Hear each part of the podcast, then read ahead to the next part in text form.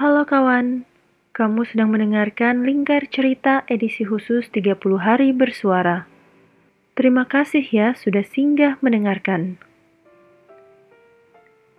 Kepergiannya yang belum sempat kusebut mantan. Dulu aku punya seorang teman. Usia kami terpaut empat tahun, yang otomatis membuatku memanggilnya dengan sebutan mas.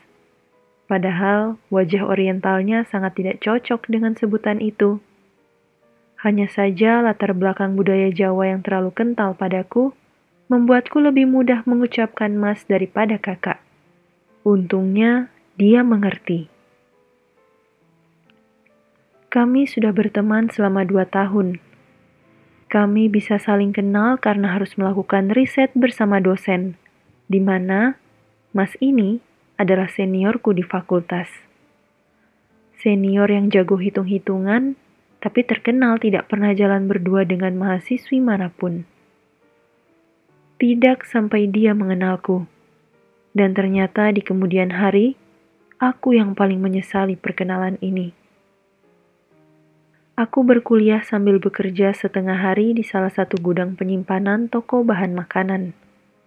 Selepas kuliah di sore hari, Baru aku lanjut bekerja mengecek stok di gudang penyimpanan. Di kemudian hari pun, aku akhirnya tahu bahwa bosku adalah saudara jauh si mas ini. Mereka bilang saat di perantauan, solidaritas orang-orang berlatar belakang budaya yang sama akan cukup erat.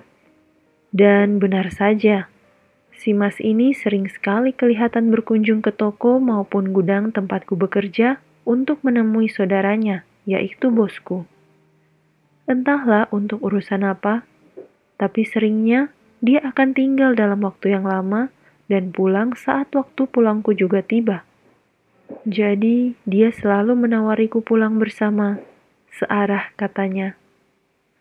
Aku cukup mengenal Mas ini sebagai pribadi yang sopan, baik, dan selalu berkabar dengan keluarganya yang jauh di sana.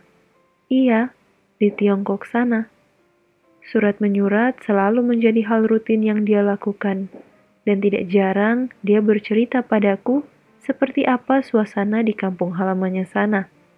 Mengajariku sedikit aksara Tiongkok yang ternyata cukup sulit, dan betapa dia mengharapkan satu saat aku bisa pergi ke luar negeri melihat luasnya dunia ini. Katanya, dia bisa melihatku begitu berjaya dan bersinar dengan karir dan pemandangan berlatar belakang negara asing. Sayang sekali katanya jika kepintaranku tidak diajak berkeliling dunia. Tidak jarang aku terhanyut dalam perandaiannya. Berharap semoga suatu saat hal itu bisa jadi kenyataan. Dan semoga firasatku akan perasaannya padaku juga nyata. Tenang, Aku tidak sebuta itu untuk tidak menyadari semua sikapnya padaku. Aku hanya sedang menunggu dan melihat apakah yang aku pikirkan benar dan dia memang serius padaku. Ini juga nantinya akan jadi hal yang paling aku sesalkan. Beberapa waktu kemudian, dia sudah lulus dari kuliah dan sedang menunggu hasil tes untuk jadi pegawai tetap di suatu bank swasta. Ketika masa penantian itu, dia mendapat surat dari keluarganya yang memintanya untuk pulang mengunjungi mereka. Ada hal penting sepertinya.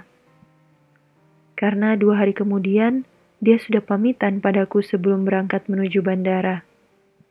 Biaya pesawat yang dulu tidaklah murah untuk ukuran orang dengan perekonomian sepertiku, membuatku langsung menyadari betapa beradanya kondisi keuangan keluarga Mas ini. Tiba-tiba saja, aku merasakan jarak yang begitu jauh antara kami. Membuatku merelakannya pergi seakan melepaskannya yang tidak akan kembali lagi. Seakan aku menyebutkan kalimat bahwa kita tidak pantas untuk bersama saat melambai ke arah mobil jeepnya.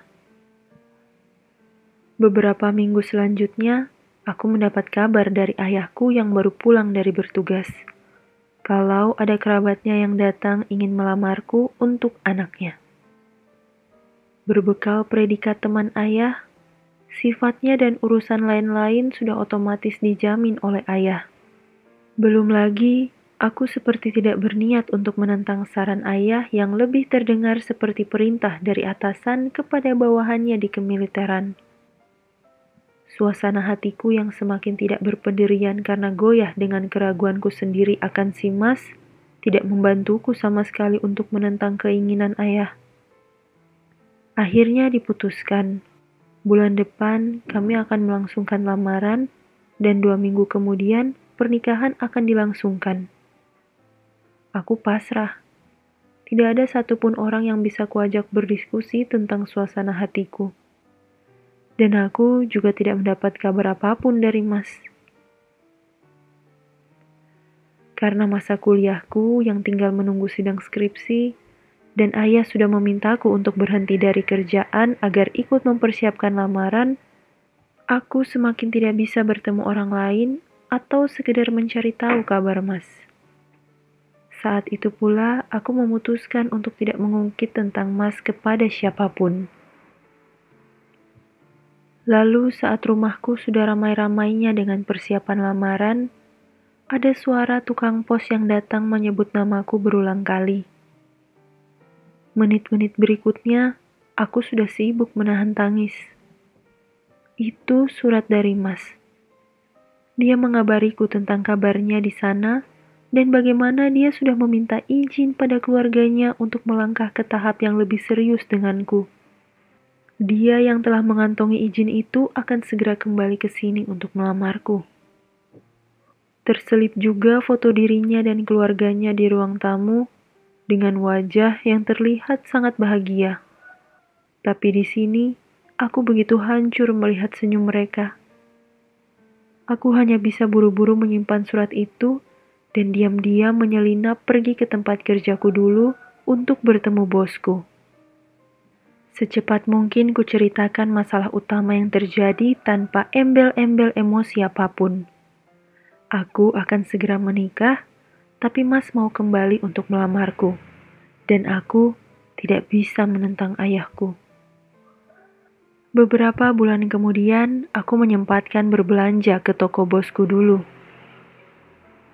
Alih-alih mengetahui kabar terbaru si Mas atau jika beruntung mungkin dia juga ada di sana, aku malah mendengar bahwa dia sudah kembali ke kampung halamannya dan tidak akan kembali lagi.